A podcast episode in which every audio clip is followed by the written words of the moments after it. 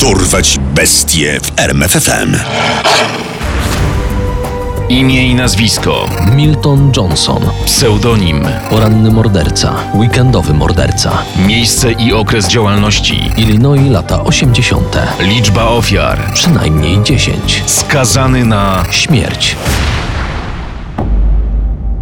Joliet w stanie Illinois to niepozorne miasteczko w południowo-zachodniej części obszaru metropolitarnego miasta Chicago. Pozornie niewiele je wyróżnia na tle innych nudnych przemysłowych mieścin środkowego zachodu. Jednak w latach 80. cieszyło się ono niezwykle złą reputacją. Wszystko za sprawą grasującego tam weekendowego mordercy. Niemal wszystkie jego przestępstwa zamykają się w feralnym lecie 1983 roku, ale trwale odcisnęły się w pamięci mieszkańców. Początek wstrząsającej brutalnością serii morderstw przypada na 25 dzień czerwca 1983 roku, kiedy to z jego rąk zginęły dwie kobiety mieszkające w Will County. Ze wstępnych ustaleń wynika, że ofiary są siostrami. Zginęły nad ranem lub e, wcześnie rano. Jeśli sierżant chce zobaczyć zwłoki, to są tam, ale uprzedzam, to jest e, potworny widok. Zostały zmasakrowane. Nie da się inaczej tego nazwać. Morderca był wyjątkowym bałaganiarzem. Pozostawił po sobie masę przeróżnych śladów, jednak żaden z nich nie wskazywał bezpośrednio na jego tożsamość. Minął tydzień.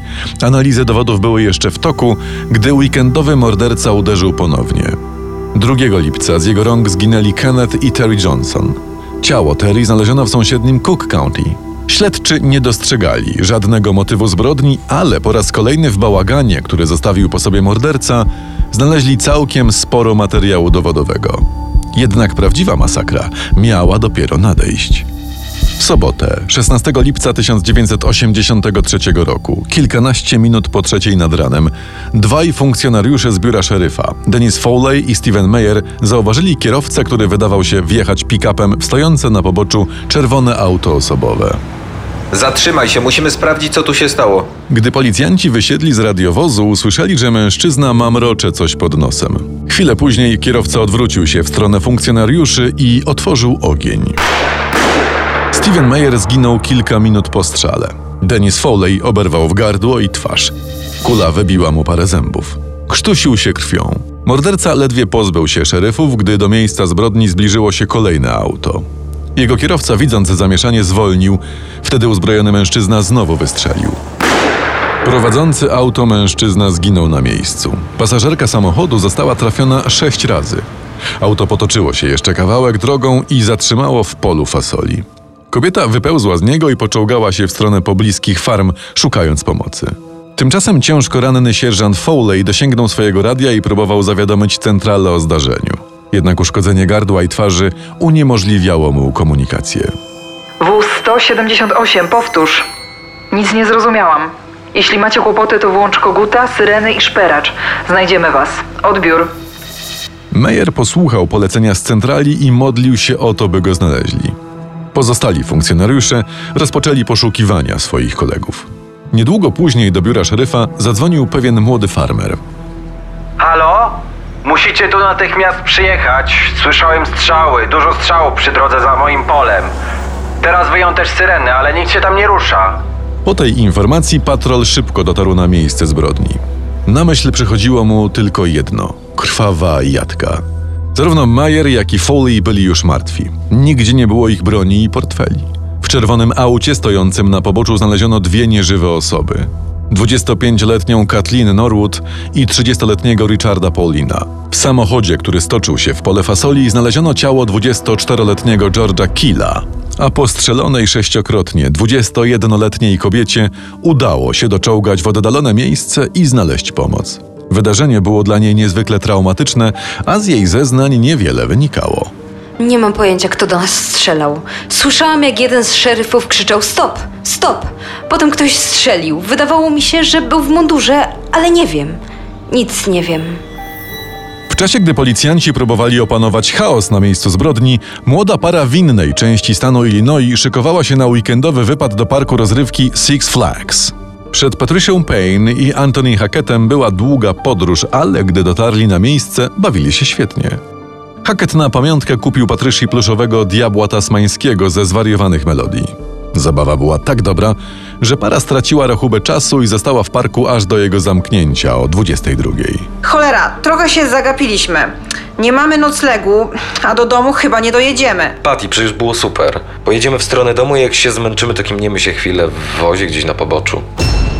Tak też zrobili i tuż przed północą zatrzymali się na zasłużony odpoczynek przy drodze stanowej 55 w Will County. O 1.30 Payne obudziło pukanie do okna. Ledwo przebudzona zaczęła mruczeć coś do śpiącego na przednim siedzeniu Antoniego, gdy usłyszała strzały. Z przerażenia zamknęła oczy. Gdy zaledwie kilka sekund później znów je otworzyła, zobaczyła, że Hackett nie żyje. Kilka długich sekund później usłyszała, że napastnik coś do niej krzyczy. Zszokowana zapytała tylko: Co? Nie co, tylko dawaj jego portfel i torebkę, dziwko. A potem ładuj się do samochodu. Przerażona kobieta posłusznie wykonała polecenia mężczyzny. Po kilkunastu minutach jazdy napastnik opuścił drogę międzystanową i w zacisznym miejscu wyciągnął przemocą Patrycję z samochodu i zgwałcił. Następnie kazał kobiecie wracać do samochodu i ruszył dalej. Jeździł po okolicy przez jakieś 10 minut. W końcu znalazł dogodne miejsce, siłą wyciągnął Patrycję Payne z siedzenia pasażera i ugodził nożem w klatkę piersiową. Po czym odjechał. Kobieta przez godzinę czołgała się w stronę drogi. W końcu dotarła na pas dzieleni oddzielający dwie nitki ekspresówki, gdzie odnalazła ją przejeżdżająca para.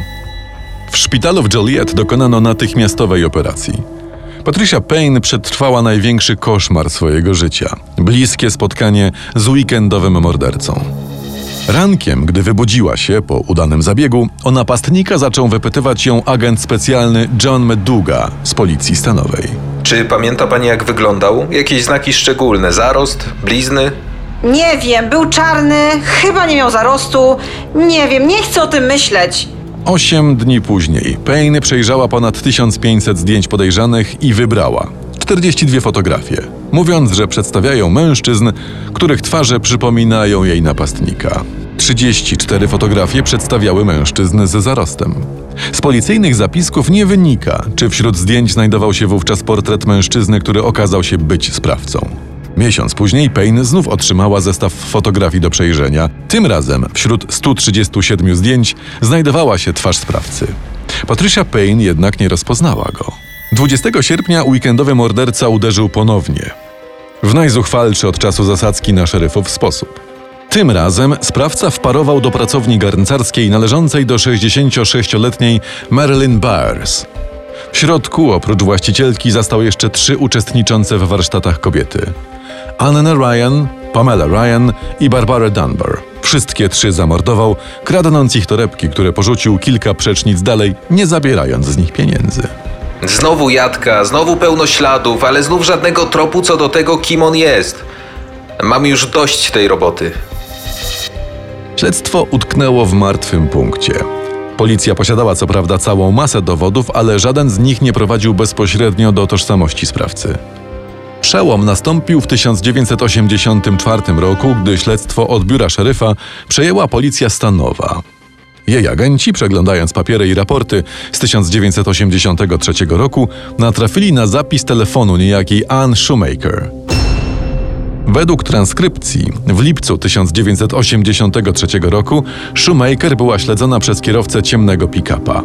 Z pomocą przyjaciółki udało jej się wymknąć i spisać numery rejestracyjne prześladowcy. Agenci policji stanowej jeszcze tego samego dnia poprosili Ann o spisany wówczas numer. Właścicielem pick-upa był Sam Myers. Kilka dni później, 6 marca 1984 roku, policjanci zapukali do jego drzwi. Dzień dobry, policja stanowa. Czy pan Sam Myers? Tak. A o co chodzi? Jeden ze świadków zidentyfikował pana auto jako zamieszane w serię przestępstw. Czy ma pan coś przeciwko przeszukaniu? Jeśli tak, to wrócimy z nakazem. Ech, jakieś bzdury. Proszę przeszukiwać do woli. Nie mam nic do ukrycia. W samochodzie znaleziono włosy białej kobiety kolorem pasujące do włosów Patricia Payne, plamy krwi, nóż do steków i paragon na pluszowego diabła tasmańskiego.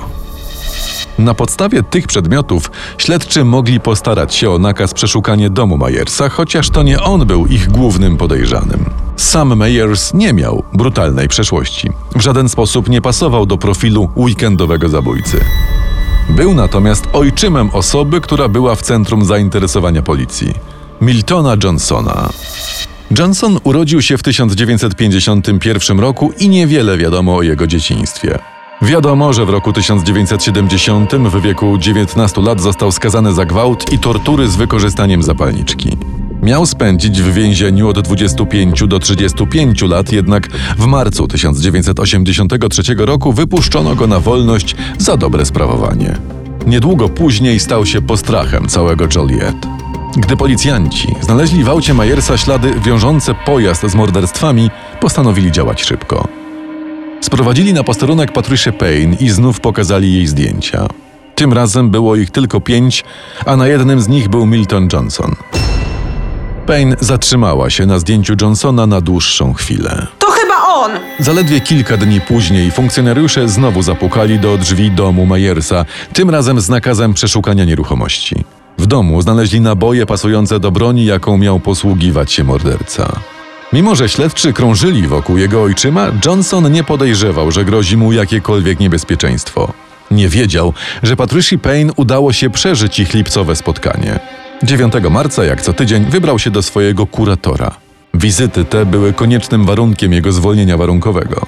To właśnie tam policja zastawiła na niego zasadzkę i aresztowała go.